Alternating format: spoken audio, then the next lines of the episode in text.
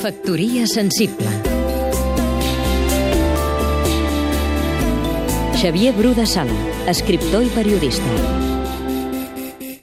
No fa gaire parlàvem de Proust i tots conveníem en un denominador comú. Llegir la Recherche no és una experiència d'alçada, sinó participar d'una de les més grans aventures de l'esperit humà. Avui parlarem d'un autor en aparença més senzill i assequible, Honoré de Balzac, un dels escriptors més prolífics de tots els temps. Quan ens situem als màxims cims del gènere literari i sense sortir de França, passem de Stendhal a Flaubert i de Flaubert a Proust, els tres que tothom situa a l'alçada de Tolstoi, Dostoyevsky, Jane Austen o Dickens, per citar els més grans, entre els grans, segons un major nombre de lectors il·lustres. Stendhal, Flaubert, Proust. D'acord amb aquesta troika? I Balzac?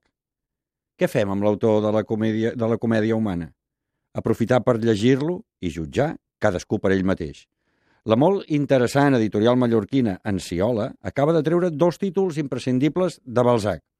Un assumpte tenebrós, profunda i molt profitosa lliçó de política i corrupció en temps encara més revoltats que els nostres, i la recerca de l'absolut que podem posar al costat del pare Goriot o Eugeni Grandet. Qui no entengui prou el francès, que els gaudeixi en aquestes molt solvent traduccions al català de Melció Comas. I es convencerà de la enormitat del geni de Balzac. Factoria sensible.